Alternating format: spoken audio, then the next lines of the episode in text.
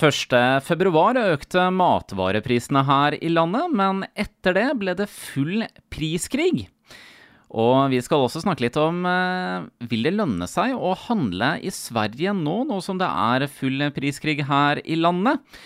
Jeg har med meg en kar som er ekspert på tall og økonomi. eh, Forbrukerøkonom i Sparebank1, eh, Magne Gundersen, kjent for mange fra programmet Luksusfellen. Det er full priskrig nå i matbutikkene, og alle vil jo være best på pris. Eh, Hva er lurt å tenke på hvis man skal ut og handle nå? Nei, Man kan jo bli litt forvirra når prisene går opp og ned og du vet ikke hva som skjer neste dagen. Eh, Det er kanskje en påminnelse om at eh, man må følge med på prisene. Og du skal kanskje ikke kjøpe mer enn det du faktisk trenger, for plutselig så er det billigere dager etterpå. Når man går i butikken nå, så er det kanskje lurt å sjekke litt på forhånd? Ja, altså Det er eh, bra å sjekke priser. Eh, nå er det sånn at De tre billigkjedene vi har i Norge eh, i dag, Renti og Rema 1000 og Kiwi, de er ganske like på pris, sånn stort sett. De er de klart billigste. Så om du, går i en, om du går i den ene eller andre, det tror jeg spiller liten rolle. Da går om å bruke den som er nærmest. Men det er bra å følge med på prisene og være bevisst på, på dem. Og sjekke ikke minst hva koster denne varen per kilo eller per liter. Det er den enhetsprisen, kiloprisen og literprisen, det er den som sier noe hvor mye du får for pengene.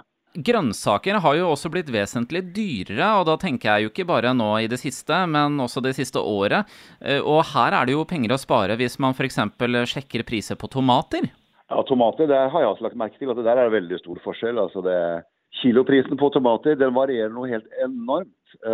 Så hvis du følger med på det, så vil du se det at du kan få en, eh, en pakke med tomater, eh, små, runde, eller omtrent runde, til under halve prisen av en annen pakke med små og runde tomater. Forskjellen er kanskje at de, de dyreste er litt rundere og litt blankere og litt søtere. Men eh, kiloprisene altså kan være opp mot det dobbelte og, og mer enn det. Så det er all grunn til å følge med på bl.a. tomatprisene og, og også grønnsakene. Og dette prishoppet som skjedde 1.2, gjorde at eh, det ble enda mer konkurranse mellom butikkene. Og vil østfoldinger merke eh, disse justeringene på pris eh, mer på lommeboka nå? Altså Etter at eh, to av kjedene reverserte eh, sin prisoppgang, og nå er tilbake til det prisene var før eh, 1.2, så er jo så er det på en måte status quo. da. Det er ikke er noen spesiell eh, endring. Men for østfoldinger er det litt spesielt, siden det ligger så nærme Sverige. Så eh, i tillegg til de tre norske billigkjedene, så er det et, en reell mulighet å dra til Sverige for å handle der. Og eh, der er det fortsatt ganske så stor prisforskjell at eh, mange vil oppleve at det lønner seg helt klart å dra til Sverige og handle. Prisene i Sverige har jo også steget eh, den siste tiden. Eh, Hvor store forskjeller er det, er det egentlig? Ja, altså eh, Hvis man ser på liksom, disse prisindeksene som, som svenske statistiske sentralbyrå og det norske statistiske sentralbyrået lager, så, jo, så har prisstigning på mat og generelt vært større i, i Sverige. Det er ikke sånn veldig stor forskjell, og så er det jo, er det jo avhengig av det der også. Eh, hvor er det du handler? Det er jo det er jo Sverige som i Norge. Det er Noen butikker er rimelige på frukt og grønt, andre eh, er eh, dyrere. Jeg tenker det at I Norge så er det jo viktig, skal du virkelig, du, hvis du handler frukt og grønt i Norge, så er det viktig å være medlem av disse kjedenes handleklubber. så Da får du jo gjerne 10, 12, 14 og 15% i fast rabatt på frukt og grønt hvis du er medlem. Så Det er jo noe som bidrar til å holde prisen nede eh, på handlekurven, hvis du bruker de fordelsprogrammene som kjeden har. Hvis man skal handle i Sverige, så der er det jo mange østfoldinger som liker å hamstre litt når dere først reiser over grensa. Er det penger man kan spare der hvis man skal ta en svensketur snart? Ja, det, altså det er jo det. Eh, Det varierer litt fra produkt til produkt, men jeg tenker der er østfoldinger kanskje Norges beste på, på prisene i Sverige. Så derfor de bare bruke den erfaringen de har. Og det er jo det at eh, produkter som eh, kjøttvarer, eh, kylling, bacon, eh, meieriprodukter, eh, altså ost og, og smør og sånn, og brus, de er generelt mye eh, rimeligere i Sverige. Så hvis man kjøper de produktene hvor det virkelig er stor prisforskjell, så vil jo en handletur til Sverige, selv om du må kjøre noen kilometer eller, eller noen mil, det vil være lønnsomt. Men det er viktig å kjøpe de produktene du faktisk sparer mye på. Hvis ikke så går jo vinninga opp i spinninga. I Sverige så er det jo store paller med forskjellige produkter, og en av de gjengangerne der i Sverige, det er jusdrikker. Blant annet, eh, da tenker jeg f.eks. på Caprison. Eh, har du ja. også sett det, Magne? Ja, jeg, jeg har det, altså. Og det undrer meg. Men det er mulig det er jeg som er rar, men eh, nordmenn eh, altså, kjøper jo kassevis av disse Caprisonne saftdrikkene. Og det er ikke noe annet enn saft på sånne små bokser. Uh, og det ser ut som det er veldig billig, da, for det står der i store paller.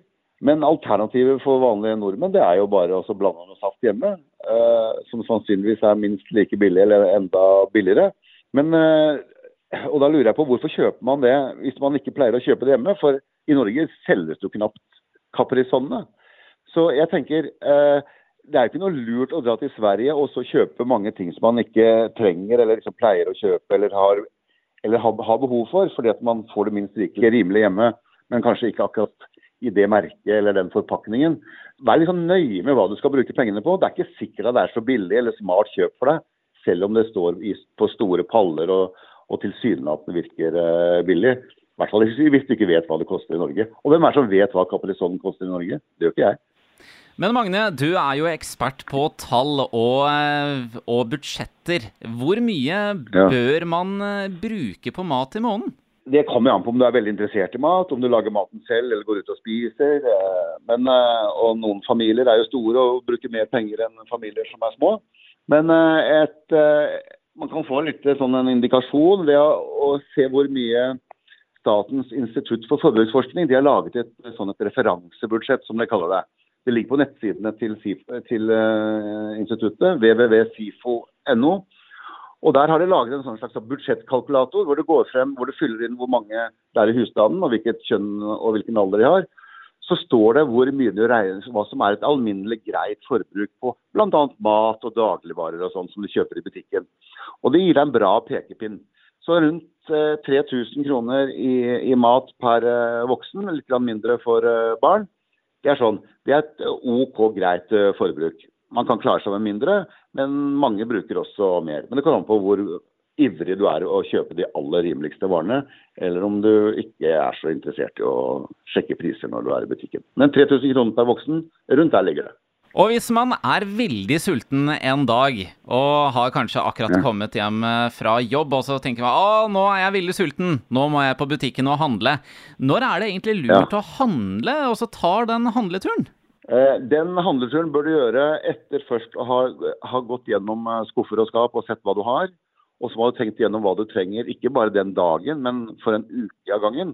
Eh, og så setter du opp en handleliste ut fra hva du da trenger eh, neste uka. Poenget med å, å, å, skrive en handleliste og planlegge for én uke, det er at eh, når du planlegger, så kjøper du ikke ting som du faktisk har fra før. Dermed så slipper du å ha dobbelt opp og ende opp med å kaste ting. Eh, og så når du har en handleliste, så har du en retningslinje når du skal, er i butikken. Da skal du nemlig følge det som står på handlelista, og ikke liksom, kjenne etter på magefølelsen. Det skal ikke spille noen rolle om du er sulten eller mett. Du skal bare kjøpe det som står på listen, for det er det planlagt. Det er det du kommer til å trenge neste uke. Så gjør den derre Kan godt kalle det hjemmelekse det også. Planlegg innkjøpet. Gå så sjelden som mulig i butikken. La oss si ukeshandle. Eh, det er veldig fint. For da blir du ikke utsatt for den der fristelsen å liksom nappe med deg noe ekstra, eller, eller gå i butikken på tom mage. Da, da handler folk ofte både dyrt og mye.